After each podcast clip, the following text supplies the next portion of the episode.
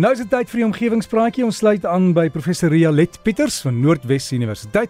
En Rialet, jy het gesê jy praat oor is dit vuil flaminke, skoon flaminke? Dapper flaminke.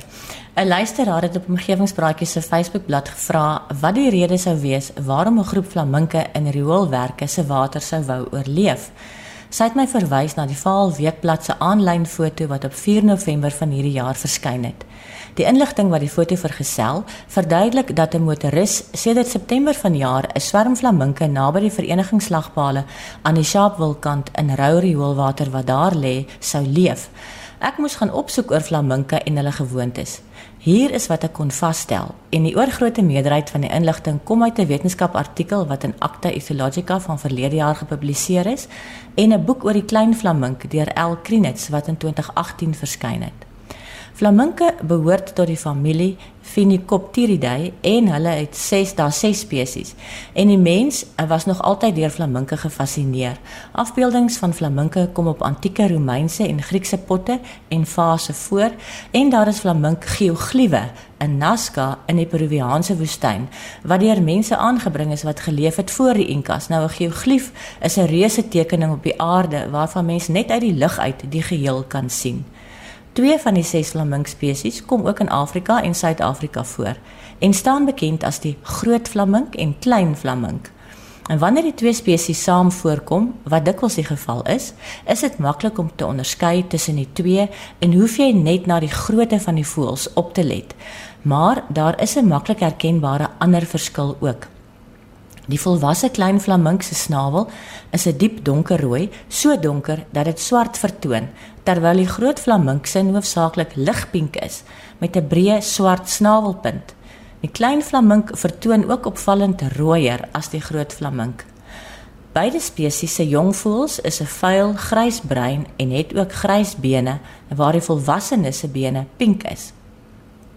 Die groot flamink leef hoofsaaklik op skaal en weekdiere, dis nou krustasiërs en slakkies, alge en selfs saad van waterplante. Maar die klein flamink is afhanklik van mikroalge, oftewel cyanobakterieë en diatome. En beide die spesies filtreer hulle kos uit water of modder deur hulle koppe amper onderste bo te draai sodat die boonste snavel wat ongewoon beweeglik is in die water of modder gedruk word. Die snavels het kammetjies aan die binnekant en deur pompbewegings met die tong te maak, word kosbevattende water van buite af in die mond ingetrek. Die plat tong druk dan die ingetrekte mengsel vas teen die kamme en forceer die water weer uit, maar die kos word deur hierdie kammetjies binne in die mond vasgevang. En die tong druk dan die kos in die slukdarm af. Die kuikens voed egter op kropmelk wat deur beide die ouers voortgebring kan word. Die rooi van die volwassenes se vere kleed word vervaardig deur die kos wat hulle vreet. Die mikroalge bevat kleurstowwe rooi, geel en oranje. Garnaaltjies vreet die alge en die groot flamink vreet weer die garnaaltjies. Die klein flamink voed hoofsaaklik op die mikroalge self en wanneer flaminke se kos deur hulle liggame verteer word, metaboliseer dit die kleurstowwe en maak dit die vere pink. Ons sien ook die flaminke dikwels op een been staan en daar's ten minste twee redes daarvoor. Die eerste een is dat dit vir hulle energie gewys minder inspannend is om op net een been te staan as beide. En die tweede rede kan wees om liggaamstemperatuur te bewaar tydens koeldae. As een been in die vere opgetrek is, verloor dit nie so baie liggaamshitte soos die een waarop gestaan word nie. Flaminke is uiters sosiale voëls wat lewenslange vriendskappe sluit en die vriendekring kan tot 6 voëls insluit. Hulle is ook monogam en kies dus net een maat om mee te paar waarmee hulle lewenslank saam kuikens grootmaak. Hulle maak 'n nes uit modder, klippies en strooi wat soos 'n miniatuur vulkaan lyk en lê net een eier. Die ouers neem beurte om die eier uit te broei. Die kuiken wat uitbroei word van kropmelk voorsien totdat dit so 12 weke oud is en die ouers beskerm die kuiken deur dit onder die vlek toe te vou. Maar reeds vandat hulle 2 weke oud is, vorm die kuikens sogenaamde kleuterskole en word deur paar volwassenes opgepas. Hierdie volwassenes is dikwels voels wat nie self kuikens het nie. Maar die ouers is steeds verantwoordelik vir die produksie van die kropmelk en voer hulle darm self nog die kuiken al beweeg dit grootendeels in die crash. Flaminke, spesifiek die klein flamink, leef gewoonlik in panne waarvan die water baie brak is en selfs sout is. Die pan in Afrika met die grootste bevolking flaminke is die Natron Meer in die noorde van Tansanië.